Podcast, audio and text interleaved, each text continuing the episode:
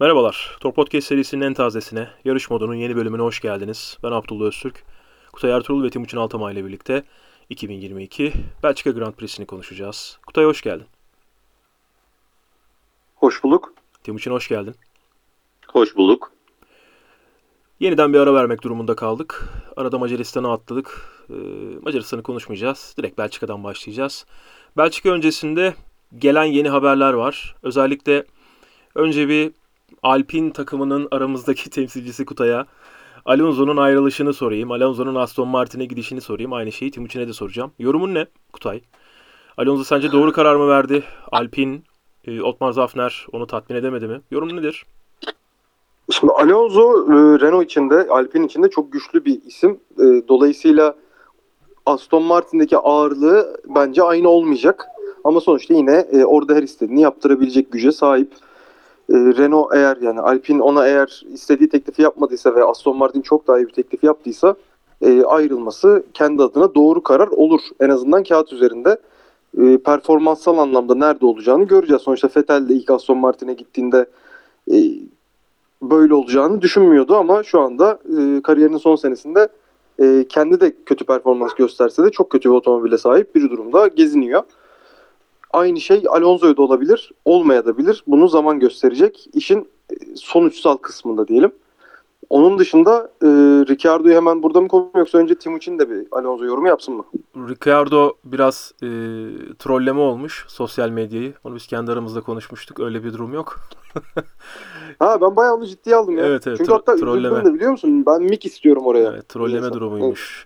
Peki Timuçin, senin Alonso yorumun nedir? E, Alpin sence hata mı yaptı? Aston Martin e, doğru yer mi? Yorum nedir sende?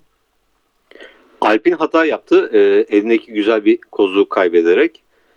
E, Alonso için de yani Vettel'in durumunu da gördük. E, Aston Martin'den ben çok umutlu bir takım yani umutlu değilim o takımdan. Çünkü doğru adamları e, yerleştirme konusunda bence çok zayıflar. E, sonuçta e, Mercedes, Red Bull ve Ferrari'nin olduğu bir durumda hani e, çok iyi mühendisleri getireme, getiremiyorlar. E, bu açıdan bakınca biraz kötü oldu. E, ama Alonso'nun e, maddi olarak büyük bir ihtimalle çok fazla derecede e, karı geçtiğine eminim. E, Alpine de vermiyordu zaten bir seneden fazla bir kontrat. Evet. Bir artı belki bir diyerekten veriyorlardı ama e, Alonso iki yılı kapmış oldu Aston Martin'de. Aynen öyle. Aslında e, hem bu kaydettiğimiz podcast'te hem sonra kaydedeceğimiz podcast'lere yapacağımız Formula 1 paylaşımlarına belki de e, kendi adıma yani kendi bakış açım açısından e, genel bir yorum olacak belki de. Max Verstappen ve Red Bull e, kampı 2026'ya kadar bence yenilemeyecek bir kamp. O yüzden hangi takımın hangi kararı vereceğinin çok önemi olacağını düşünmüyorum. Ben özellikle e, Belçika'da gördüklerimizden sonra da bu sezonun başında hem geçen sezonun sonu hem de bu sezonun bugüne kadarki bölümüyle birlikte buna ikna olmuş durumdayım. Onu biraz daha geniş konuşacağız ama Alonso'nun bir şampiyonluk şansı kaldığını düşünmüyorum. Nereye giderse gitsin. Aston Martin her şeyi doğru yapsa bile, şu andan itibaren her şeyi doğru yapsalar bile yarış galibiyetleri alabilirler. Alamazlar diyemeyiz. Çünkü hadi önümüzdeki yıla e, olumlu başladılar. İşte yaz arasından sonra bir şeyler yaptılar. Ertesi sene çok daha doğru hamleler yaptılar vesaire. Çünkü yeni bir fabrika kurdular. E, Yeni fabrika ile birlikte diğer takımlardan çok özel isimleri kadrolara kadroya kattılar, ekibe kattılar. Red Bull'un araç tasarlama şefi şu anda Aston Martin'de. Yani Red Bull'un özellikle e, motorunun kuvvetli olmadığı zamanlarda, motorunun geride kaldığı zamanlarda bile bazen iyi mekanik tutuşa, yüksek mekanik tutu- tutuşa ihtiyaç duyan pistlerde öne çıkmasını sağlayan o efektif araç tasarımı bunu sağlayan Adrian Newey'nin elbette baş, başını çektiği ekibin e, en önemli parçalarından biri Aston Martin'e geçti. Ve geçer geçmez de zaten Aston Martin'in yukarıya doğru bir hamle yaptığını gördük. Aracın tasarımında keskin değişiklikler yaptılar. Ama Vettel'in de hani önümüzdeki yıl hem de bir sonraki yıl Aston Martin'de bir şampiyon olma şansı göremediğini düşünüyorum. Eğer bu şansı görseydi neden bıraksın? O da bırakmazdı. Göremediği için ve e, bir Red Bull koltuğu, bir Mercedes koltuğu, bir Ferrari koltuğu mümkün olmadığı için kendisine. O yüzden emekli olmuştu. Alonso da kariyerine devam etmek istiyor. Diğerleri kadar hızlı olduğunu düşünüyor. Diğerleri kadar hızlı olduğu için de kariyeri olabildiğince nereye kadar gidecekse gitsin diye düşünüyor. Hani Alpine'in işte bir sene yarış ondan sonra seni biz Hypercar'a alalım. Dayanıklılık serisini alalım teklifine çok da mantıklı olarak görmüyor. Zaten orada yarıştı. Orada şampiyon oldu. Le Mans'ı kazandı. O yüzden Alonso'ya burada yanlış karar verdin diyemem. Alpin özellikle yapılabilecek, verilebilecek en kötü kararlardan, en kötü karar sonrası süreçlerden birini de yaşıyor. Kutay bunu da sorayım sana. Yani aralarında Piastri ile geçen, Alpin'in arasında geçen şu anda bir çekişme var. E, yasal yolu deneyeceklerini söylüyorlar. Oraya gideceklerini söylüyorlar. Hani 20'li yaşlardaki bir çocukla koskocaman Renault markası karşı karşıya gelmiş durumda. E, ya, hani bunu yasal yoldan yürütülebilir. Bunun peşine gidilebilir ama yapılan açıklamalar, e, gencecik bir çocukla inatlaşma. Evet Kasım ayında ona bir sözleşme imzalatmışlar Kutay ve bu sözleşmeyi gerçekleştirmediğini, yerine getirmediğini düşünüyor Alpin takımı. Ne diyeceksin buna yorumun nedir? Yani Alpine'in Renault markasının kendini koyduğu yer, Otmar, Otmar Zafner'in şu ana kadar ortaya koymuş olduğu takım patronluğu, performansı ve Piastri ile kapışmaları e, nasıl değerlendiriyorsun Kutay? Yani takım patronluğu anlamında bence iyi bir yolda gitmiyor e, Alpin. Hem pilotlarla olan durum e, hem performans e, bence daha iyi olması gerekirken e, daha kötü durumda. Ama onun dışında hani Piastri durumunda ne olduğunu yani ilk başlangıçta ne olduğunu hala tam olarak bilmiyoruz. Çünkü ne Piastri'nin menajerine sorsak böyle bir şey ister. Ne Alpine'deki herhangi bir üst yöneticiye böyle bir durumda olmak ister misiniz deseniz onlar da istemez. Kimse istemez. Yani nasıl bir hata oldu da e, iş buralara geldi, kimse toparlayamadı ve e, hani siyasi atışma gibi böyle saçma sapan demeçlere kaldı olay. Yani senin dediğin gibi hukuki olarak bir sürü kişiler ve biz sonucunu duyarız ama öyle de değil. Çok magazinel ilerliyor hala. E, açısı ben onu daha çok merak ediyorum. E, yani Piastri'yi kaybetmek, tutamamak, tutmak ya da bir şekilde bu şekilde tutmak diyeyim ya da işin sonunda artık olacağını bilmiyoruz. E, ne olursa olsun hani Piastri artık Alpine'den koptu ne olursa olsun. E, dolayısıyla oranın orayı doldurmak da artık doğru bir hamle. Çünkü hani kafalarında muhtemelen şu vardı. Ocon bir yere kadar pişecek. Piştikten sonra altına bir genç daha koyacağız. Bundan 3-4 sene sonra belki 2026'ya iki tane çok iyi pilotla beraber ve iyi bir otomobille beraber gireceğiz de olabilir planda ve o plan şimdi bozuldu. Ee, asıl orayı nasıl toparlayacaklar? Ben daha çok onu merak ediyorum. Ee, yani biz Türkler olarak duruş ve karizmayı severiz. Ee, bir öncekinin adını ben hep unutuyorum. Ee, siz hatırlatırsanız. Ama bir önceki adamın yaptıklarına işte ne bileyim Ricardo ile olan o son durumlara ve gelen en azından ufak da olsa başarılara baktığım zaman zaten neden değiştiğini anlamamıştım. Şu anda da olanı pek anlamıyorum diyebilirim. Cyril Abitabul e, eski takım patronu onu göndermişlerdi. Sonra Alpine operasyonunu başlatmışlardı. Aston Martin'de Lawrence Stroll ile birlikte olan çekişmesinden sonra Otmar Zafner'i göndermişlerdi ve oradan ayrılır ayrılmaz e, daha önce Racing Point'in başındaydı Otmar Zafner. Aston Martin olunca takım oradan ayrıldı ve Alpine geldi. Şunu da sorayım sana Kutay. E, Ricciardo mu? E, Gazli mi? Mick Schumacher mi? O koltuk için senin uygun gördüğün, e, en uygun olacağını düşündüğün bu üçlüden biri mi ya da başka bir adayın var mı kafanda? En uygun gördüğüm iki kişiyi zaten söyledim. Ee, ama ben hani isimleri yorumlayarak ve niye olmadıkları üzerinden gideyim ya da benim için niye en iyisinin oldu. Eğer başarılı bir araç olsa şu anda elinde Alpine'in ben direkt Ricciardo'nun olması gerektiği taraftarındayım. Tarafındayım. Ee, şampiyonluk potansiyelini kaybetmiş olsa da e, sürekli podyum getirebilecek bir pilot aslında ama e, bence hala. Ama otomobil şu anda hali ortada. Dolayısıyla bu seneye ya da gelecek seneye yatırım yapmak biraz saçma olur. Gazli bence e, ben bundan önceki podcastler, podcastlerde de söyledim. E, direkt getirsinler dediğim adamdı. Ama ben Ocon'un yerine söylüyordum bunu hep. Burada ben Ocon Gazli'yi bir takım olarak görmüyorum. Bir takım olarak e, gidemeyecekleri için de bir yerde o işin patlayacağını düşündüğüm için de doğru bir tercih olduğunu düşünmüyorum. Dolayısıyla benim elimde bir tek Mick kalıyor. Ee, çok da isterim.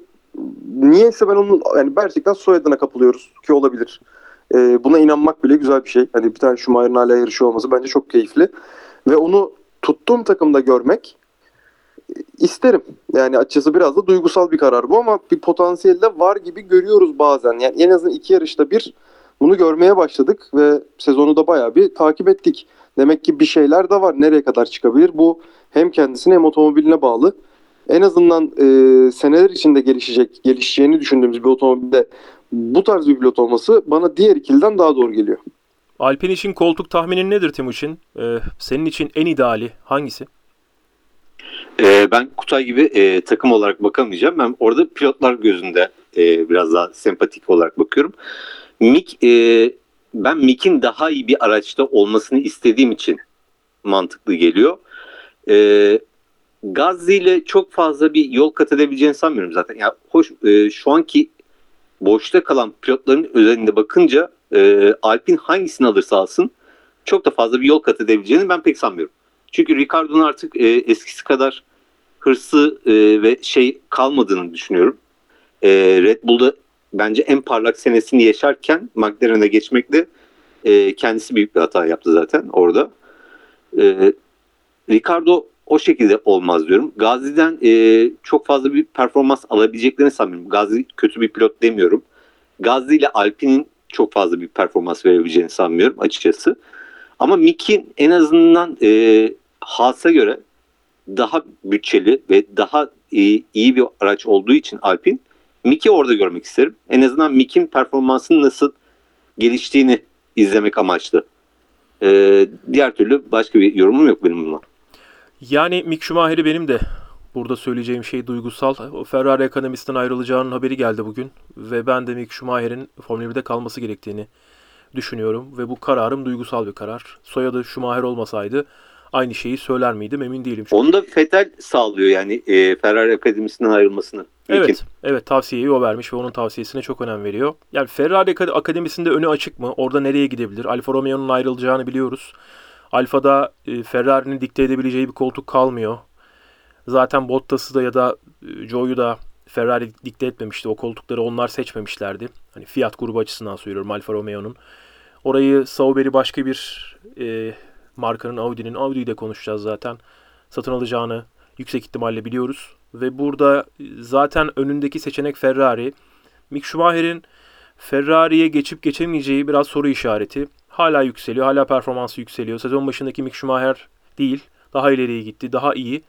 Ama bugün çıkan haberler, e, kuvvetli kaynaklardan gelen haberler Haas'ın önümüzdeki yıl için Mick Schumacher'i düşünmediği.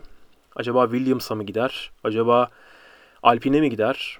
Ya da işte Alfa Romeo koltuğuna mı oturur bunu bilmiyoruz. Hem Ferrari Akademisi'nden ayrılacağı haberi geldi. Hem Haas'ın onun koltuğuna Giovinazzi'yi getireceği haberi geldi.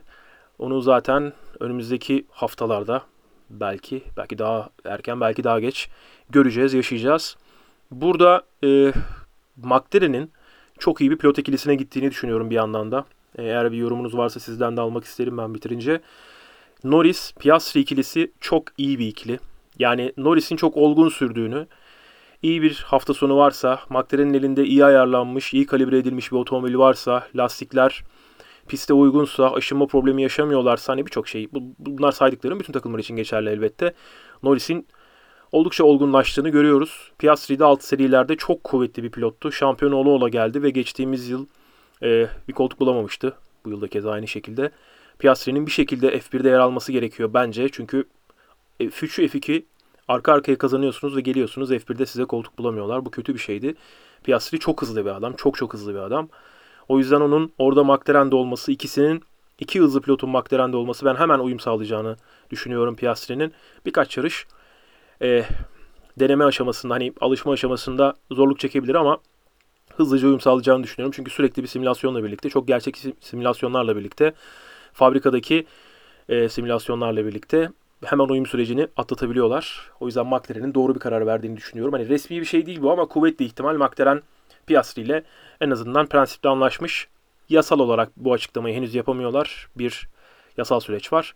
O yüzden biz henüz açıklandığını görmedik. Bir de Audi'yi konuşalım. Audi e, bilmiyorum ekleyeceğiniz bir şey var mı ama e, Volkswagen grubu çok uzattı bu meseleyi. Hem Porsche hem Audi. Audi nihayet ayrı bir motor üreticisi olarak Formula 1'e gireceğini açıkladılar. 2015'ine kadar Porsche'nin de vakti var. Onların da bir açıklama yapması gerekiyor. E, Audi resmi açıklamayı yaptı ve 2026'da biz onları gridde göreceğiz. 2026 gridi inanılmaz bir grid olacak gerçekten.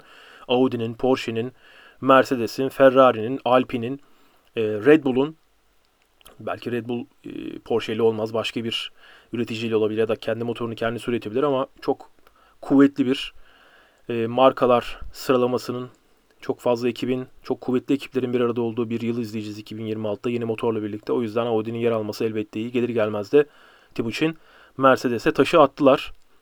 Bilmiyorum. E, Alman kapışması. Bir Alman pilotumuz olacak diyorlar Timuçin. Bizim e, motor üreteceğimiz tesis de Almanya'da olacak diyorlar. Bir cevabın olacak mı Audi'ye? Bir daha söyler misin? E, Son biz, biz motorumuzu e, Almanya'da üreteceğiz diyorlar. E, Almanya'da yarış olacak diyorlar. Ve bir Alman pilotumuz olacak diyorlar. Mercedes'e böyle bir atış. e, böyle bir nasıl söyleyeyim taş atmışlar. Yani Mercedes de o şekilde başlamış hatırlarsan. Ee, Rosberg'le. Rosberg ve Schumacher'i getirterek e, güzel evet Alman bir takımın tekrardan geliyor. Hoş Mercedes var ya niye bö- böyle bir şey söyledim ki? Ben Almanya pistinin geri gelmesini istiyorum açıkçası. Evet. En azından bunu sağlayabiliyorlarsa güzel. Yeterli benim için. Evet. Bakalım Audi'yi de Porsche'yi de büyük ihtimalle 2026'da göreceğiz. Ama Volkswagen grubunun bu kadar e, bu meseleyi uzatması genel olarak zaten markanın otomobil üretiminde ve müşterilerine yaklaşımıyla da ne kadar paralel olduğunu yönetimsel anlamda gösteriyor. O yüzden hiç şaşırmadık. Bunu da ekleyelim. E, Belçika Grand Prix'sine geçelim. Belçika Grand Prix'si birçok takımın, birçok pilotun e, daha cuma günü motor değiştirerek, güç ünitesi parçaları değiştirerek pazar gününe yarışa geleceklerini öğrendiğimiz bir hafta sonu oldu. Çünkü e, kolay geçişin yapıldığı bir pist Belçika. Belçika Grand Prix'si özellikle Camel düzlüğü markaların, takımların, e, pilotların birbirlerini kolayca geçebilmelerini sağlayan DRS ile birlikte bir imkan sağlıyor. Özellikle arkadaki o hızlı ve birbirine bağlı uzun virajlar, hızlı virajlar, hızlı bölümler takımların yine aynı şekilde zaten 7 kilometrelik pistten bahsediyoruz. 7 kilometre 4 metre bir pistten bahsediyoruz. Takvimin en uzun pisti. O yüzden birçok takımın motor değiştirdiğini, güç ünitesi parçaları değiştirdiğini gördük. Ee, ve biz burada Leclerc'in ve Verstappen'in arkadan başlayacağını, 15 ve 16. sıradan ya da 14-15. sıradan başlayacağını gördük. Ee, Carlos Sainz pole pozisyonunu aldı ama Kutay, e, Leclerc antrenman e, sıralama turlarında, sıralama turlarının 3. bölümünde Sainz'a e, tov vermek için yani arkadaki Camel düz, düz- düzlüğünde e, onu çekmek için piste çıkmıştı. Orada Leclerc yanlış lastikle piste gönderdi Ferrari ve Leclerc dedi ki bu lastikler nedir dedi. E, Ferrari de dedi ki it's a mistake dedi. Bu bir hata dedi. Ferrari'nin haftaya hatayla başlaması ya da e, nasıl söyleyeyim zaten güç ünitesi değişikliği yaptıkları e, çok da fazla önemli olmayan bir sıralama turunda e, belki de bu hatayı yapmaları çok önemli değil ama orada bile doğru lastiği sıralama turlarına takamamaları. Var mı bir yorumun? Kutay. Yani Ferrari e, Türk takımı olsa bu kadar olurdu herhalde. Yani e, böyle bazen Bu doğru şeyler ya. bazen oluyor. Bu kadar hata olmazdı. Yani bu kadar hata hakikaten olmaz. Yani mesela bizde bu kadar hata olsa Binotto'nun yerine yerine 3 kişi 4 kişi dönmüştü. Ee, belki hatalar devam ediyordu ama en azından bir şeylerin değiştiği e, izlenimi verilirdi. Hani bu bu kadar göz göre göre lades çok enteresan. Yani her aşamasında. Ee, değişik. Ne diyeyim Allah yardımcılar olsun. Aynen öyle. Sıralama turlarında e, biz Carlos Sainz'ın yani Max Verstappen pole pozisyonunu aldı ama Carlos Sainz'ın birinci sırada olduğunu e, Max Verstappen'in ceza sonrası gördük. Onu Sergio Perez, Leclerc, Ocon, Alonso takip etti. Hamilton, Russell, Albon, Norris şeklinde de ilk onu tamamlamıştık. E, en arkada kalanlar Bottas, Tsunoda sırasıyla geriden yukarıya doğru sayıyorum. Magnussen, Latifi şeklinde ilerlemişti. Ee, o kadar garip bir aslında hafta sonu yaşadık ki Sebastian Vettel 16. sırada tamamlamasına rağmen sıralama turlarını cezalar sonrası yarışa 10. sıradan başlayacaktı. zaten o da e, sonra yarışta kuvvetli bir performans göstererek zaten yukarılarda yer almayı, puanlar almayı başardı. Ee, biz Max Verstappen'in ve Carlo, e, Leclerc'in arkadan başladığını gördük. Sıralama turlarında konuşmamız gereken bir şey var mı Timuçin? Ekstra. Ee, Mercedeslerin performansı belki biraz daha iyi olabilirdi. Onlar Alpinlerin arkasında kaldılar. Bu pist özelinde mi sence? Onu bir sorayım sana. Alpine'in düzlük hızı çok yüksek. Yani bu aracın düzlük hızı çok yüksek. O sebepten dolayı e, bence bu pist özelinde Alpine'in gerisinde kaldı ama yarış temposunda zaten baktıysanız Mercedes'in yarış temposu hala çok iyi. E, Evet. yani Ferrari ile bile kafa tutabilecek tempoya yakın. Hani Red Bull değil ama Ferrari'ye kafa tutabilecek bir tempoya e, su var Mercedes'in. Ama e, tek turda gerek lastik ısıtmak gerekse e, o düzlük hızını tam olarak sağlayamıyor araç. Aynen öyle. Ee, orada da zaten Mercedes motorlu takımların diğerlerine bakıyorum. Ee, Albon aslında burada bir sürpriz yaptı. 9. sıraya aldı. Onu diğer Mercedes motorlu takım Norris, Ricciardo 10 ve 11. sırayla takip ettiğini gördük. Sıralama turlarında Gasly de onların arkasındaydı. Yarışta e, ilk turda ya da ilk iki turda çok kuvvetli bir performans sergilediler aslında. Hemen yarışın başında zaten biz aslında güvenlik aracını gördük. E, Verstappen'in Kutay e, kaskındaki o jelatini atmasıyla birlikte e, temizlemesiyle birlikte o çıktı gitti ve Leclerc'in sağ ön fren kanalını tıkadı. Yani böyle de bir şey hani pişmiş tavuk da desem, pişmemiş tavuk da desem, hindi de desem yani ne diyeceğimi bilemiyorum. Bu Büyük strateji. yani inanılmaz gerçekten bu Ferrari'nin ve Leclerc'in başına gelenler e, iç faktörler, dış faktörler, her şey ama her şey onların aleyhine ilerliyor bu yıl. E, yani kendi adlarına her şeyi doğru yapsalar da bile ben sezonun ortasında ya da sonunda sonucun değişeceğini düşünmüyorum da. Zaten belki bunu ilerleyen dakikalarda yine konuşuruz ama Leclerc'in sağ ön fren kanalını tıkadı. Frenlerin tüttüğünü gördük Kutay. Ve bu aslında ısınma problemi yarışın sonuna bile riayet etti. Ee, bu kadar şanssızlık sence normal mi ya Kutay? Yani bu kadar şeyin arka arkaya gelmesi. Ee, çünkü düzlükte gidiyorsunuz ya bir şey yapmıyorsunuz. Ekstra bir şey değil ve orada Verstappen'in kaskından çıkardığı jelatin gidiyor sizin sağ ön fren. yani o da çok ufak bir şeydir. Böyle avucun içi kadar bile değil. Orayı tıkıyor. İnanılmaz. Yani bazen bazı insanlar, bazı takımlar e, şanssızlıklarıyla böyle lakaplanırlar ya. Ya umarım işin sonunda öyle bir şey olmaz. E, çünkü hani bu sene gerçekten hani hiç hata yapmasalar bile çok şanssız oldukları durumlar vardı. E, bu da herhalde onların en düşük olasılıklı olanıydı demek doğru. Yani yapacak bir şey yok. Şans e, galiba şans faktörü olmayan tek spor kayakla atlama. Yanlış bilmiyorsam Herman öyle bir e, Herman Mayer. hesaplama var. Evet evet yani işte 140 metre uçtularken işte rüzgarı da hesaplıyorlar da işte düştüğü yerde bir tek orada şey diyorlar işte çok saçma bir yere gittik ona ama e, kayakçının inişinin puanlanmasından dolayı bir adilsizlik olursa olur yoksa şans faktörü hiç yok diyorlar.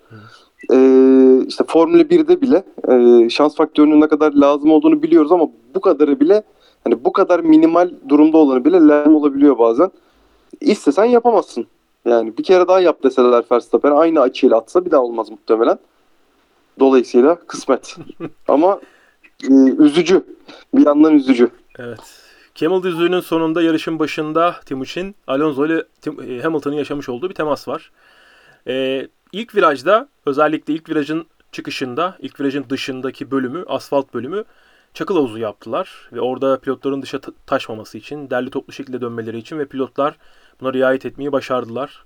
Geçtiğimiz yıllarda ilk virajda çok büyük kazalar görmüştük. Hatta e, Halo'nun insanların hayatını kurtardığı, orada pilotların hayatını kurtardığı neredeyse durumlar görmüştük.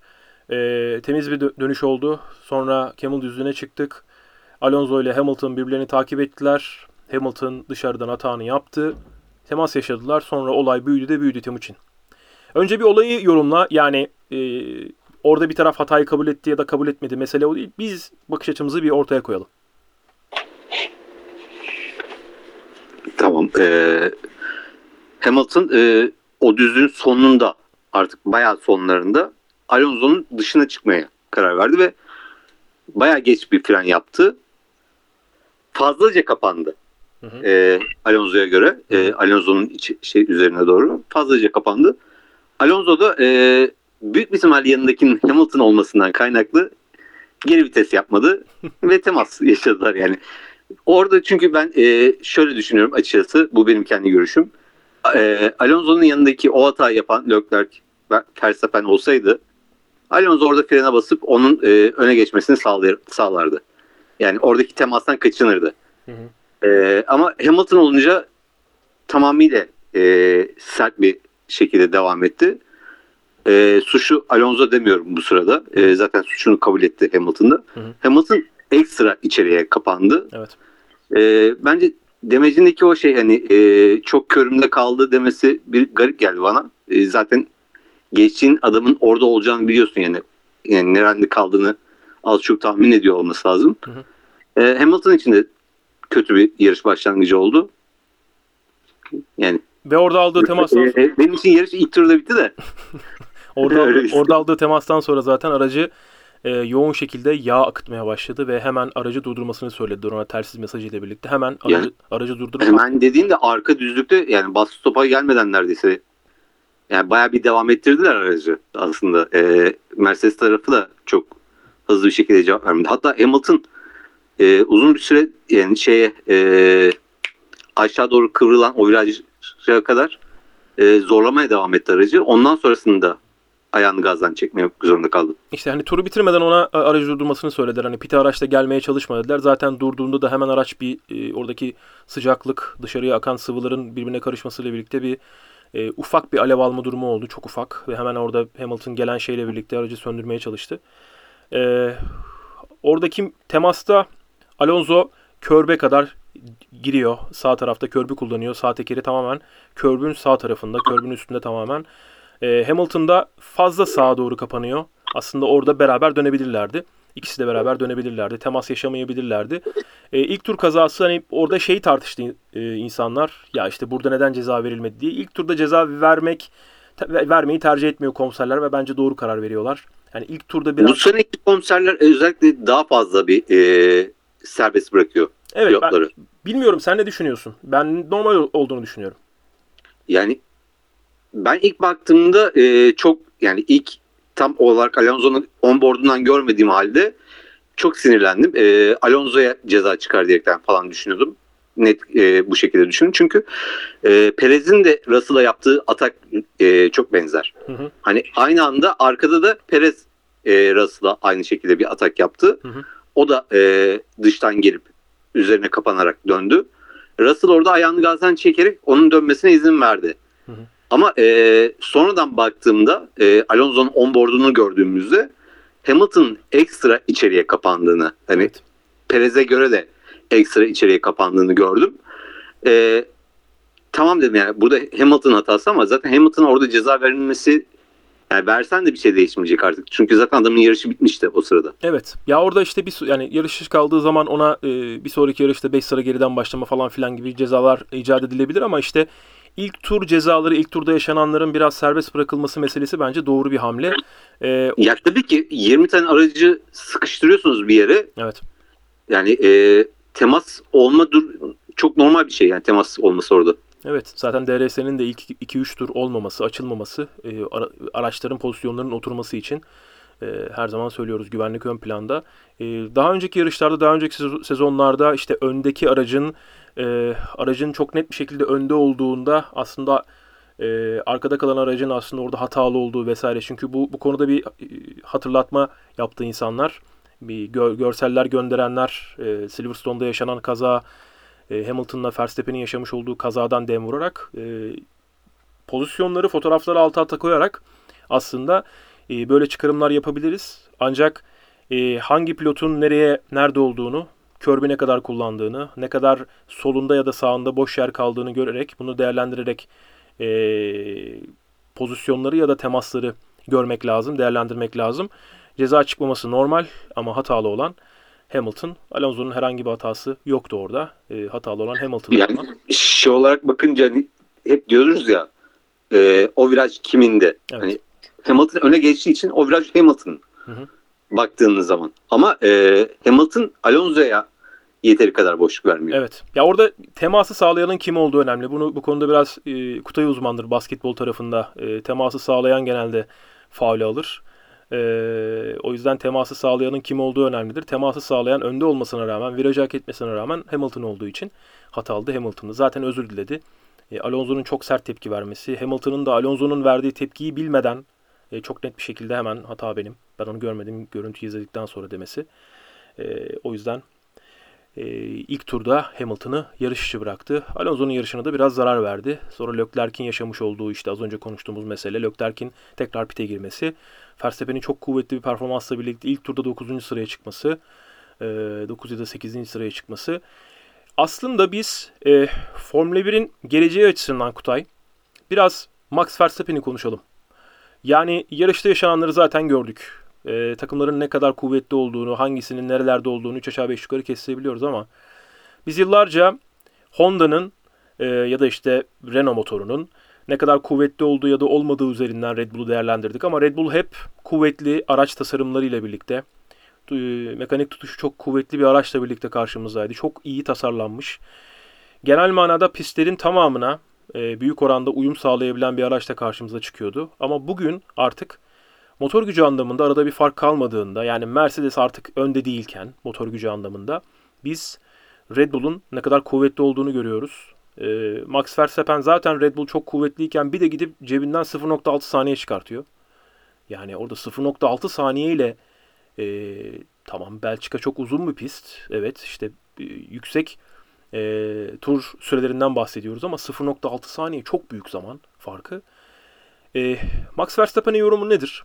Bu noktaya geldiğimizde dünya şampiyonu geçtiğimiz yılın e, ve bu yılda dünya şampiyonu oldu artık. Buradan e, önümüzdeki 3 yarışa katılmasa bile e, bence Leclerc'in puan farkını kapatabilme ihtimali çok düşük. Yani yine bir şekilde Ferrari bir şeyler yapacaktır. Ee, bir Max Verstappen yorum alayım senden Kutay. Yani bu noktadan sonra şampiyonluğu vermesi gerçekten çok zor. Hani çok çok zor. Bunu ancak e, Timuçin'in gönül verdiği takım taraftarları yaşamıştır, yaşayabilir. Bu bahtsızlık onlara e, has diye düşünüyorum.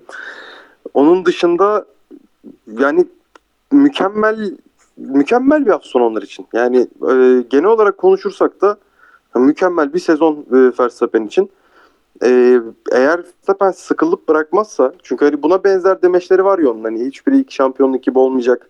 İşte ıvır olmayacak, kıvır olmayacak işte şimdi daha rahat ama daha profesyonel sürüyorum gibi böyle arada böyle bu tarz demeçler veriyor. E, Verstappen'in de hani bir yerden sonra sıkılabileceğini bir yerde düşünüyorum bu arada ama hani işin para kısmı var, e, şöhret kısmı var. E, 2026 sonrası belki tekrar bir kapışma olur, olabilir. Ama bu kadar çok önde gider tıkılacağını düşünüyorum. Öncelikle onu söyleyeyim. Şey var mı Ee, peki sende? onun dışında- Yani e, şu, şu, şu var mı sende? Verstappen gridin en iyisi diyebiliyor muyuz sence şu anda?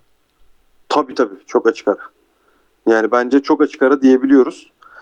Ee, onun seviyesinde bir Hamilton var zaten. Hani bunu geçen senelerde de gördük.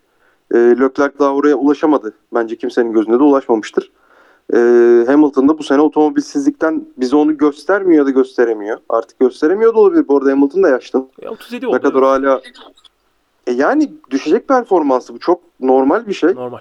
E, sonuçta hani Hamilton'ın da efsane performansını unutmayalım. Sonunculuktan e, yarış kazandığı yarışı var sonuçta. Hani Ben seneye tekrar bakıldığında- şampiyonluğa seneye tekrar şampiyonluğa oynayacağını düşünüyorum e, Hamilton'ın çok kuvvetli şekilde. E, Russell'la kafa kafaya Olabilir. düşünüyorum ama olabilir. e, Olabilir yani otomobil otomobil eğer buna müsait ederse olabilir ama Verstappen e, Mercedes'in en mükemmel olduğu zamanda e, gelip onlara meydan okudu ve Red Bull'un belirli sorunları vardı ne olursa olsun. evet. E, şu anda otomobil de çok iyi durumda. Diğerlerine göre özellikle çok çok iyi durumda. E, bence Ferrari burada e, sezon başında da konuşmuştuk yine podcastlerde hatırlarsınız. Hani çok iyi bir şekilde başladı ve muhtemelen dedim bunun üzerine yatacaklar. Akdeniz ülkesi onlar.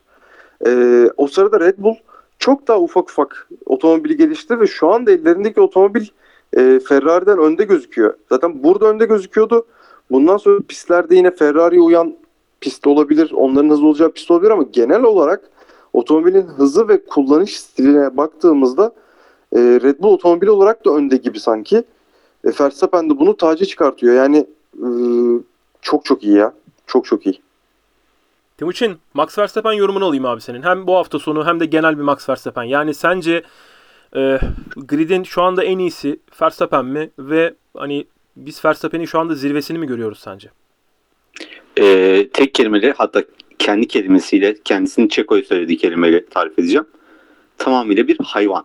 Değil mi? Şu anda Max. Ee, performansın bence e, şu anda en üst düzeyinde Max. Belki daha da yukarı çıkacak onu hiç bilemeyiz ama e, kesinlikle çok üst düzeyinde. Çünkü altındaki araçla e, Çeko'nun bile güzel o, yani iyi olduğu haftada Çeko'ya 0.6 saniye fark atabiliyor. Yani Evet. adam e, bu farklı bir boyut. Yani aynı araçtaki e, takım arkadaşınıza ve iyi bir takım arkadaşına bu kadar fark atabiliyor olması bu farklı bir boyutta olduğunu gösteriyor bence Max'in. E, bu sezon zaten evet e, mantalite olarak bitti Max açısından. E, daha doğrusu bizim açımızdan. Evet. E, Max şampiyon diyebiliyoruz artık rahat rahat. Önümüzdeki seneler içinde e, Max'i zorlayabilecek bir araç çıkmadığı sürece yani Red Bull çuvallamadığı sürece araçta ve diğer takımlar çok iyi bir araç kombinasyonu çıkartamadığı sürece Max'in eli hala çok güçlü. Evet, kesinlikle Yani- öyle. Ya orada söylediğin kelime çok doğru abi. Çuvallama kelimesi. Red Bull çuvallamadıkça ben benim görüşüm bu. Biz 2026'ya kadar bir sürklase durumu göreceğiz. Ben Max Verstappen'i hiç kimsenin geçebileceğini düşünmüyorum. Çünkü e, az önce de söyledim. Mercedes motoru çok kuvvetli olduğu için e, tıpkı e, kuvvetli Ferrari'li e, Schumacher'in ortalığı yıkıp geçtiği dönemde olduğu gibi kuvvetli Renault işbirliğinin Red Bull'la birlikte Vettel'le arka arkaya şampiyonluklar getirdiği gibi bu Formula 1'in tarihinde hep böyle olmuştur. Özellikle modern zamanlarda. Şu anda burada da motor gücü anlamında artık Honda geride değil ve çok iyi bir araçları ve gridin en iyi pilotu ellerinde. O yüzden bu ekibin ancak çuvallaması lazım. Ancak çok büyük hatalar yapması lazım. Bu hatalarla mağlup edilebilirler bence. Geçtiğimiz yıl orada da Kutay çok doğru bir şey söyledi. Mercedes'in neredeyse en iyi yılının ardından hani tamam kural değişikliği yapıldı. Mercedes yavaşlatıldı. Mercedes yavaşlasın diye kural değişikliği yapıldı. Ama yine çok kuvvetliydi Mercedes. O kuvvetli Mercedes'i geride bırakmayı başardı Max Verstappen bir şekilde. Bir şey mi söyleyeceksin Timuçin? tabii orada e, farklı oyunlar da döndü şimdi Apo'cum. Son yarışı, son yarışı karıştırmayalım. Genel sezondan bahsediyoruz. Genel, genel Yok, yok, sezondan e, e. bahsediyoruz. Ama ben e, senin şu görüşüne katılmıyorum. Hani 2026'ya kadar e, Red Bull çok önde bir şekilde ve rahat bir şekilde gidecek görüşüne katılmıyorum. Çünkü e, Bu senin- seni araç seninki tasarımıyla mi? değiş... Ben kendi takımım açısından konuşuyorum. Yani Mercedes açısından konuşuyorum. Bunu, bunu araç söyle de ona göre tasarımını doğru konuşalım düzgün yani. bir hale getirdiği anda Mercedes'in tekrardan e, zirveye oynayacağını ben düşünüyorum açıkçası. Hı. E, bir de hata yapma oranının düşük olduğunu da göz önüne alırsak Mercedes'in tamam e, kuvvetli zarları atamıyorlar. Mesela Red Bull kadar cesur değil hiçbir zaman Mercedes. Hı hı. Red Bull'un o konuda da çok büyük bir artısı var.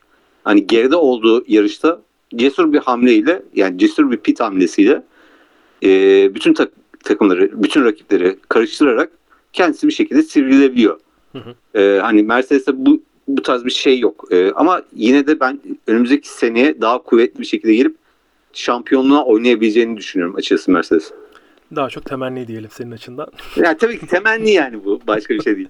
Evet. Ya benim görüşümde Red Bull'un geçilemeyeceği yönünde. Ya Ferrari'nin aracı sezonun başında da, sezonun devam eden bölümlerinde de Red Bull, e, Ferrari ekibi ve Leclerc hatalar yaparken de birçok yarışta en kuvvetli araçtı aslında. Şimdi biz Belçika'da e, sezonun başında mesela Suudi Arabistan'da da gördüğümüz gibi düşük, düşük, düşük sürüklenmenin olduğu, düşük downforce'un olduğu pistlerde Red Bull'un çok kuvvetli olduğunu görmüştük. E, Ferrari bu kuvvetli olma durumunu özellikle aracın arkasında yapmış olduğu değişikliklerle farkı azalttığını düşünüyordu. Ancak buradaki lastik aşınmasının ne kadar Ferrari'nin aleyhine olduğunu, sıralama turları performansı anlamında Leclerc'in e, yukarıya, tepeye oynamadığında hani onu da göremedik mesela. Hani aradaki fark 0.6 saniye mi gerçekten yoksa Leclerc pol pozisyonunu almak için çıksa e, biz orada onun işte 0-2-0-3 arkada mı kalacağını görecektik Verstappen'in onu da bile- bilemiyoruz ama Hollanda'da bu şekilde olmayacak durum. Ee, ya da sezonun geri kalan yarışlarının hepsinde Red Bull bu kadar önde olmayacak. Biz Ferrari'nin yine Leclerc'in pole pozisyonunu aldığını göreceğiz.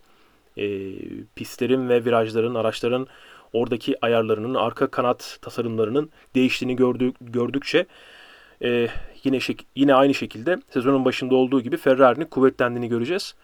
O yüzden bu bu şekilde devam etmeyecek ama önümüzdeki yıllarda ben yine Red Bull'un en kuvvetli takım olacağını düşünüyorum. Bundaki en önemli sebep elbette pilot ama e, artık motorların dondurulmuş olması, motor güçlerinin dondurulmuş olması, motor geliştirmelerinin daha doğrusu dondurulmuş olması. E, elimizdeki motorla yarışıyoruz. E, Mercedes aracının temel problemlerini tamamen çözümlese bile Red Bull'un önüne geçemiyor. O zaman ortaya ne çıkacak? Biz pilotların kapıştığını göreceğiz. 38 yaşında Hamilton'la işte 25-26 yaşındaki Max Verstappen kapıştığında kafa kafaya bir araçla Hamilton Max Verstappen'i geçebilir mi? Aynı yaşta olsalar evet olabilir ama e, o yüzden benim biraz da gençlik iksiriyle birlikte Max Verstappen'in e, formunun zirvesinde olmasıyla birlikte hani Russell Verstappen kapışmasını izlemek istiyorum. Bu bir gerçek. E, onların nasıl kapışacaklarını çok merak ediyorum. Keşke Norris de girse işin içine.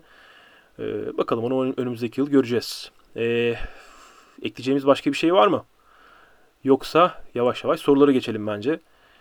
E, sezonun geri kalan yarışları yine böyle yarışları yorumlamadan e, daha çok pilotları, durumları yorumlayarak geç devam edebilir. Kutay, Ee, o şekil uygundur da sen bana soruları attın mı? soruları WhatsApp'tan attım. E, geldi sana. Onu sen telefon telefon görüşmesi yapıyordun, göremedin. Aslında sorular büyük bölümü de şey ya ne oluyor bu Ferrari? Bu Ferrari Yani tabii ki onu soruyorlar çünkü e, o artı bir puanı alayım derken eldeki iki puandan olmak inanılmaz. nasıl bir duygu? Abdullah bunu sana soralım. İnanılmaz ya. Bu hani e, sürekli aynı şeyleri söylüyoruz abi. Yani herkes aynı şeyleri söylüyor. 3 aşağı 5 yukarı bu, bu yorum pek değişmedi hiç kimse açısından. E, nasıl bu hataları işte Alonso'ya sordular bunu. Alonso dedi ki Ferrari hep böyle garip kararlar verir zaten dedi. Hani bu sene özelinde değil genel olarak. Ferrari hep böyledir dedi. Ben de hep aynı cevabı veriyorum. Ya Schumacher zamanında böyle değildi abi. Niye o zaman öyle olmadığına bakacaklar. Yani demek ki bu ekip yanlış.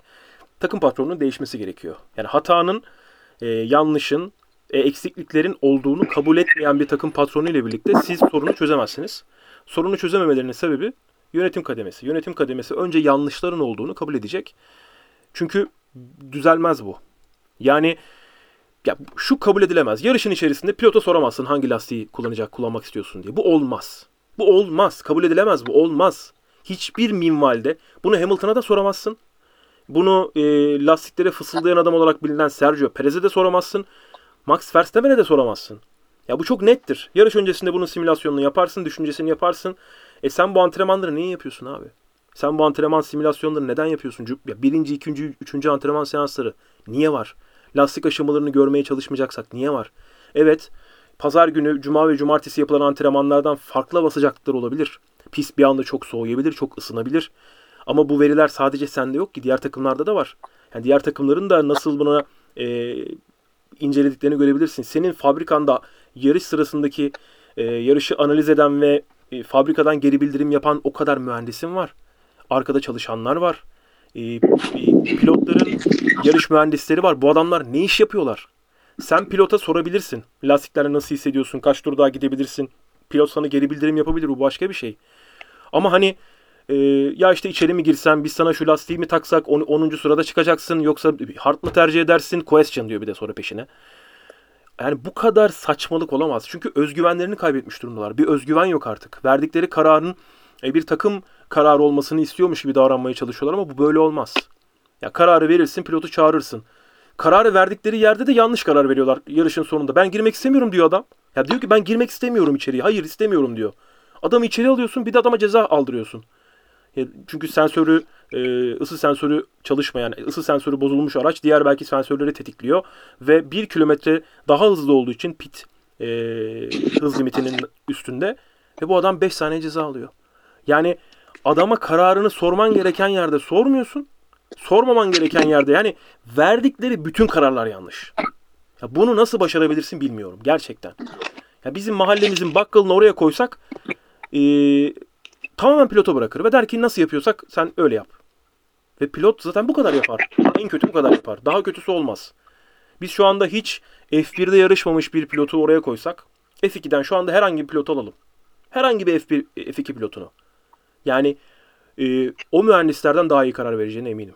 Şu anda sadece Leclerc'in aracından sorumlu 50-60 kişi. Her hafta sonunda var. Sadece Leclerc'in aracından sorumlu. Bütün sensörleri okuyan, simülasyonları yapan, bir yarısı fabrikada, yarısı arkadaki tırın içinde. 50-60 kişi var orada. Bu adamlara niye para ödüyorsunuz abi siz? Siz hakikaten çıldırmış mısınız ya? Kafayı mı yediniz siz? Bu inanılmaz bir şey. Ya bunu şu açıdan söylüyorum ben. Bir Ferrari taraftarıyım ve koyu bir Ferrari taraftarıyım. Evet. Ama izlediğimiz sporda bu kadar göz göre göre büyük hatalar yapılması. E, çünkü bir mücadele izliyorsun ve bu mücadelede ya bir bölgesel kartik mücadelesinde böyle hata yapılmaz. Bölgesel kartik mücadelesinde olmaz yani. Kabul etmezsin bunu. E, düzeleceğini düşünmüyorum bunu. Kesinlikle düzelmez. Çünkü dengeleri bozulmuş durumda. Yanlışı görecek olan kişi yanlışı kabul etmediği için hiçbir değişiklik yapmayacağız dedi Binotto. Yani hata yaptığımızı düşünmüyoruz. Hiçbir değişiklik yapmayacağız dedi. Al işte devam ediyorlar. Bu Hollanda'da da devam edecek. E, çünkü kuvvetli oldukları, en önde oldukları yarışlarda hep hata yaptılar. Monaco'da mesela yaptıkları hatalar. Yani üf, inanılmaz. Buyur Kutay. Hadi bakalım o zaman ben soruları geçeyim. Bulduk. Hızlı hızlı geçeceğim. Ee, tabii. Arada size söz vereceğim. Tabii. Bilginiz olsun. Araçların hepsi aynı kiloda mı yarışa başlıyorlar? Araçların arasında kilo farkları Apo. var. 3 aşağı 5 yukarı aslında yakıt anlamında da aynı e, kiloda başlıyorlar. E, ama işte işte 3-5 kilo en fazla yakıt anlamında aralarında fark var. Ama araçların ağırlık anlamında 797 ya da 798 di alfa. İdeal kiloda olan sadece alfa var diye biliyoruz. Onun dışında diğer takımlar 1 kilo, 2 kilo, 3 kilo daha ağır. En ağırında galiba Red Bull olduğunu biliyoruz. Aralarında ağırlık farkı var yani. E, bu yakıt için yakıt için olan fark e, 2-3 kilo ya da 5 kilodur. Araçların tasarım anlamında, genel paket anlamındaki farkları da 10 kilo yani e, en ağır araçta en e, hafif araç arasında 10 kilo falan en fazla fark vardır. Ferrari ile Fenerbahçe'den çektiğimiz nedir? Ee, buna da Timo cevaplasın. Fenerbahçe düzeldi Timuçin ya. Düzelmedi mi? Ee, ne Ferrari ne Fenerbahçe. İkisi de düzelmez. Güzel cevap. Güzel cevap. Valla ben e, Galatasaraylıyım. Keyfim İşte yerine geldi bakıyorum. diyorsun. Gençleştim resmen. Bu kadar mı Ya fark tabii eder? ki ama yani empati yaptığımda abi Fenerbahçeli olmak çok zor. Vallahi çok zor. Yani düşünüyorum bütün o yaşanan başarısızlıkları da demeyeyim de final oynayamamayı hakikaten zor. Devam ettim. Ne olacak bu McLaren'ın hali? Ee, toparlarlar ya. McLaren'ın da derdi. İnşallah toparlarlar. Daha ee, ama e, Piastri tarafına ben bir şey yapıyorum hani ben her e, birinci lige yükselen futbolcu, basketbolcu, işte NCAA'den NBA'ye çıkan hep bir what if koyarım. E, dolayısıyla e, Piastri'nin de yarışmadan e, iyi bir ekleme olacağını düşünmüyorum McLaren adına. Çok iyi de olabilir o ayrı konu. E, ben de yorumumu eklemiş olayım devam edeyim. Tabii ki. E, Ferrari'nin stratejisi düşüklerinin tam tersi. Böyle okuyarak gideyim bari. Ferrari'nin stratejisi düşüklerinin tersi olmalı demiş. Doğru. Ee, doğru, doğru. Hani böyle iddiada her şey yaparsın ya, ulan şunları o ters oynasam tutmuştu falan. Evet. Ee, olabilir. Direksiyonlar hidrolik mi denmiş? Ee, Apo. E, direksiyonlarda bir destek var. Destek olmazsa zaten o direksiyonu çeviremezler. Çok ağır oluyor o zaman. Zaten direksiyonlardaki o destek ortadan kalk. Yani klasik anlamda bildiğimiz o şeydeki otomobillerdeki gibi değil tabii ki bu da. E, orada bir yardım sistemi var. Max nasıl bu kadar hızlı tırmandı? Otomobil çok iyi, pilot çok iyi, e, Her şey pist iyi. buna müsait. Her şey. Yani dolayısıyla bu ilk defa da olan bir şey değil bu arada. Yani sadece Max bunu yaptı değil, bunu yapan bir sürü e, insan pilot oldu bu zamana kadar. E, Schumacher'inkiler var, e, Hamilton'ınkini biraz önce konuştuk gibi gibi. Ferrari niye böyle cidden bu kadar hatayı nasıl yapabiliyorlar bunu biz de bilmiyoruz. E, bu sene de Verstappen şampiyon, seneyle Verstappen'le Russell kapışır. Umarız kapışır. İnşallah. Çünkü rekabetsiz bir sezon, keyifli bir sezon olmuyor. Ferrari strateji ekibiyle aramdaki tek fark yarışı onlar. Pistte ben ekran başında izliyorum. Ee, bir fark daha var. Onlar karar veriyorlar ve yanlış veriyorlar. Sen onu da yapsan hiçbir etkisi olmuyor. Ee, dolayısıyla e, gerçekten Ferrari pit ekibiyle ilgili ya strateji ekibiyle ilgili artık ona her ne deniyorsa e, bütün söylenen herkes haklı çünkü çok enteresan. Red Bull bu hızı nereden buldu? 2021 Brezilya Hamilton zaferi kadar etkileyiciydi. Ee, Red Bull'un tarımcıları çok iyi diyelim. Devam edelim. Macaristan podcast niye yalan oldu reis? Şimdi hacı e, ben otel açtım. Daha sonra çiftlik evi açtım. E, Apo memleketine Trabzon'a gitti. Timo da e, bizden ses çıkmayınca e, tamam o zaman madem bu haftayı geç, çekmiyoruz e, ben uyuyorum dedi. Sever öyle podcast sonrası uyuması olsun. Rally podcast'in içinde uyuma olsun. E, öyle yalan oldu. Sonra da İfşalarımızı geçti. yapmasan iyi olmaz mıydı? Yok ya bunlar hep bir şey yapıyorum. Şaka yapıyorum. Rally'yi çok seviyor Timo. E, o yüzden. Çok keyif alıyor sırada. Yalanın böylesi. evet devam et. Ya dolayısıyla Macaristan podcast'ini yapamadık. Ee, normalde çok iyi başlamıştık sezona ki e, muhtemelen bununla ilgili söylenen bir mesaj geldiği için geldiği zaman ben anlıyorum ki bunlar yeni kitle. Çünkü geçmişte bizde bunu e, yapılmışlığı çok. Hani böyle çok iyi başlayıp podcast'lerin seyrekleşmesi. Bu sezon e, başı dedik ki ne olursa olsun hani atalım. İşte o ne olursa olsunun tıkandığı nokta geçen sefer oldu. Ee, inşallah sezonun yaz arasından sonraki dönemde e, turizm sezonunun da bitmesiyle birlikte e, devam edeceğiz.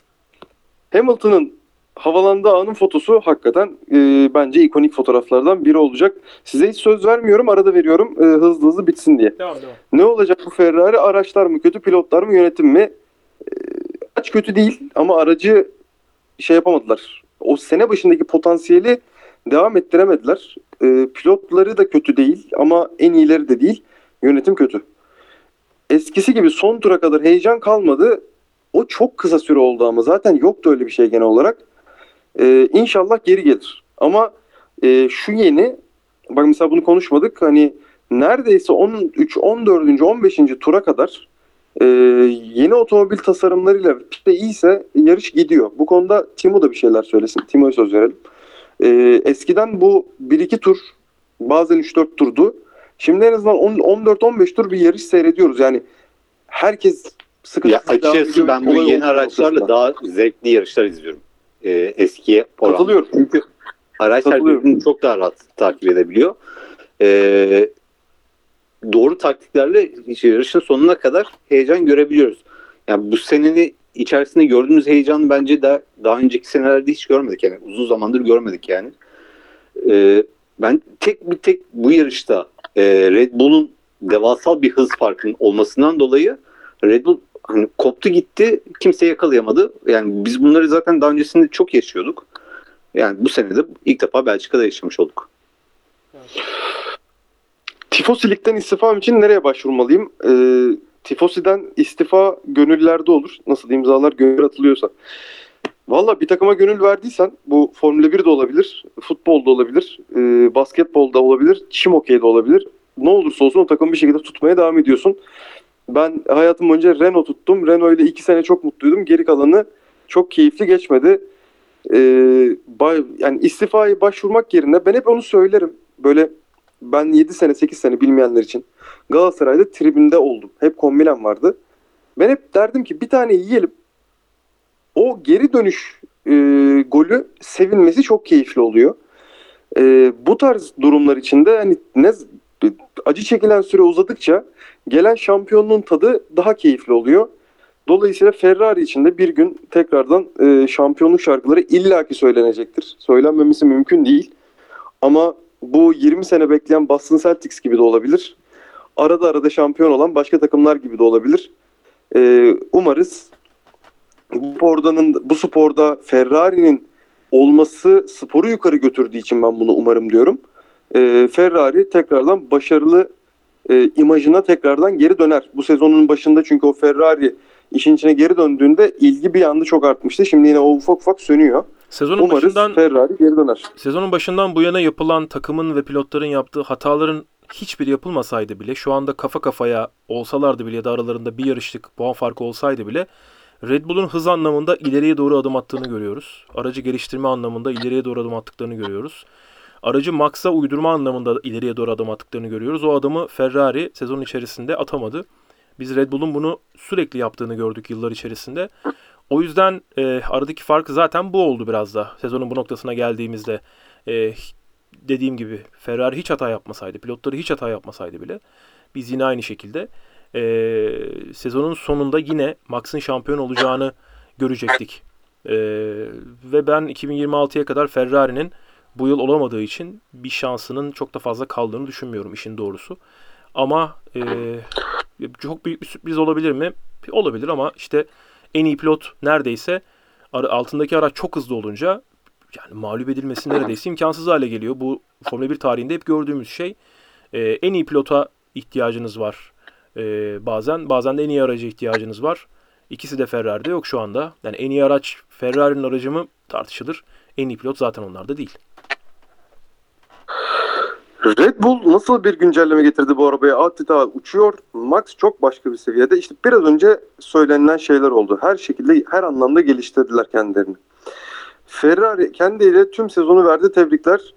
Ee, başkaları çalıştı. Ferrari çok iyi çalışmıştı sezon başında ama sonra e, yatmaya karar verdi maalesef.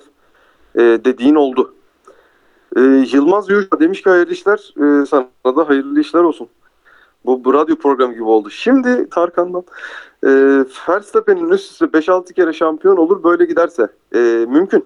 Mümkün. Bu hem otomobil yani 2026'dan sonra da sağlam devam ederlerse Ferrari, Mercedes, e, Red Bull seviyesine çıkamazsa e, tabii ki mümkün ama bunların biz olacağını düşünüyoruz. Hem 2026'da taş zarların yerinden daha, daha zarların değil taşların doğrusu değil mi?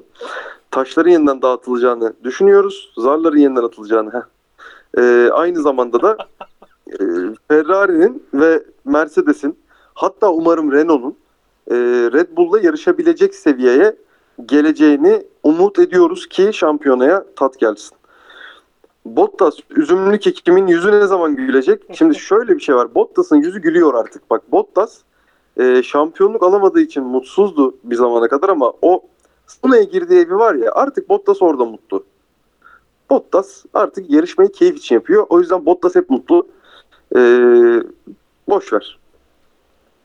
Yani artık Bottas Bottas'ı böyle ne nasıl sevmek lazım? Buna doğru örnek ne olur? Böyle Serena Williams'ı şu an sevenler var mesela. Onun gibi sevmek lazım. Hani artık umurunda değil ama orada olduğu için mutluyuz. Ferrari neden yavaş? Ferrari yavaş değil, hızlanamadı. Yoksa Ferrari hızlıydı aslında. O yüzden yavaş. Verstappen'e önümüzdeki 10 sene boyunca durdurulacak bir şey söyler misin Tork Bey? Ee, bunları biraz önce saydım. Bunlar olursa Ferrari, Verstappen durdurulamaz ama en azından belki yetişilebilir ve bazen geçilebilir. Red Bull'un temposunu nasıl buluyorsun? Ee, güzel. Bu garip soru. Ferrari nasıl buluyorsun? Yani öyle yani öyle bir gelmiş ki sorunun tonajı hani sanki ben bir şey desem bunu şimdi duyacaklar ve üzerine çalışacaklar gibi.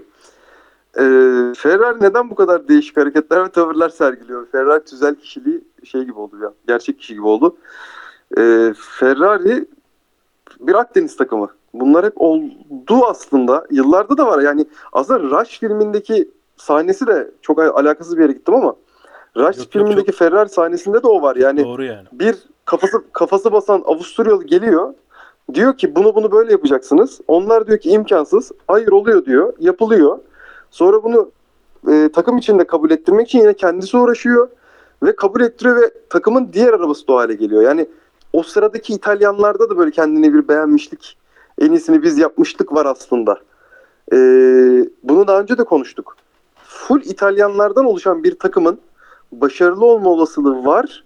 Ama işte e, bu 100 senede bir tane Avrupa Avrupa Kupası kazanmış e, Türkiye Cumhuriyeti gibi hani ya bugünün, kulüpler bazında bugünün, diyelim. Bugünün dünyasında artık e, sadece İngilizler... Olmaz yani olmaz sadece, dışarıda o kadar her...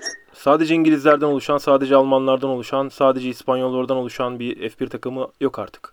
E, bir ekip halinde artık onlar yarışıyorlar. E, farklı farklı ülkelerden, farklı farklı milliyetlerden en iyileri bir araya getirerek çok yüksek paralar ortaya koyarak yarışıyorlar. O yüzden İtalyan milliyetçiliğiyle birlikte bu iş olmaz. Ee, yani strateji ekibinin başında bir Fransız var evet. Ama e, bizim ihtiyacımız olan şey bütün takımlar için ya da herhangi bir e, en doğru yönetim için e, ya, yapılan yanlışın kabul edilmesi ve o yanlışın giderilmesi için adım atılması.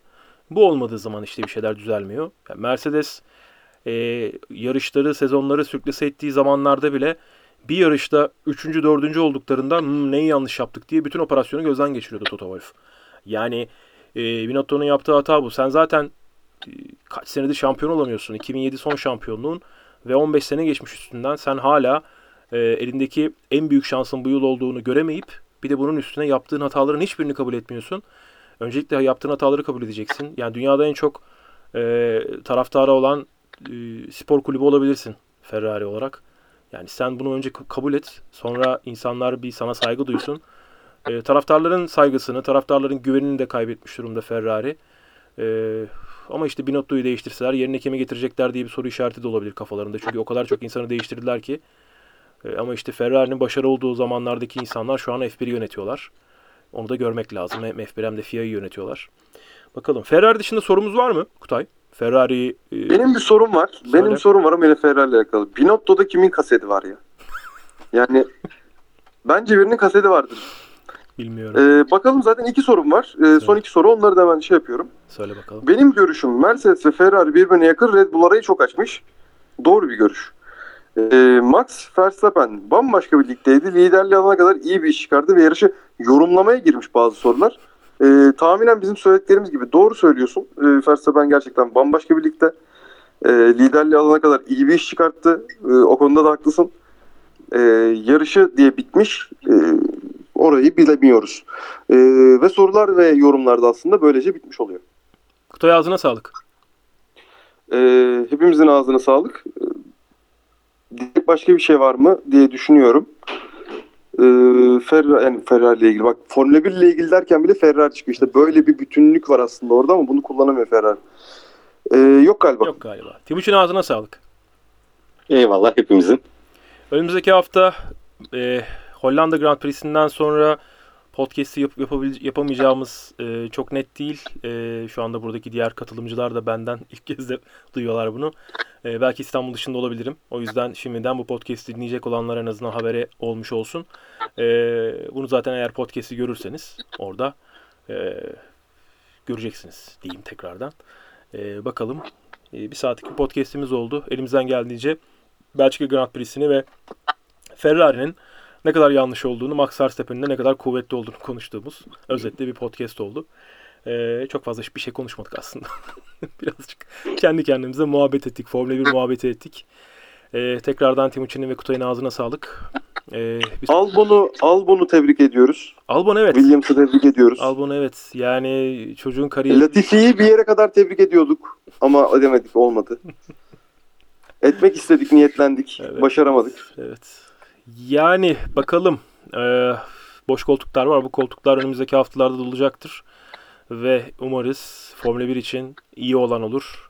Hani belki Mick Schumacher kalsın ya. Mick Schumacher istiyoruz. Ya Mick Spa- Schumacher'i e, orada görmek istiyoruz. Spa'yı ve Schumacher'i hep biz Formula 1'de görmek istiyoruz. Yani Spa'yı Formula 1'den çıkarmayı falan düşünüyorlar. İnanılmaz gerçekten. Aklım hayalim almıyor. Bakalım. Önümüzdeki yıl için en azından yerini sağlamlaştırdığını gö- gördük. Spa'nın. 2023'te de takvimde olacakmış. Bir sonraki podcast'te görüşmek dileğiyle. Dinlediğiniz için teşekkür ederiz. Kendinize iyi bakın. Hoşçakalın.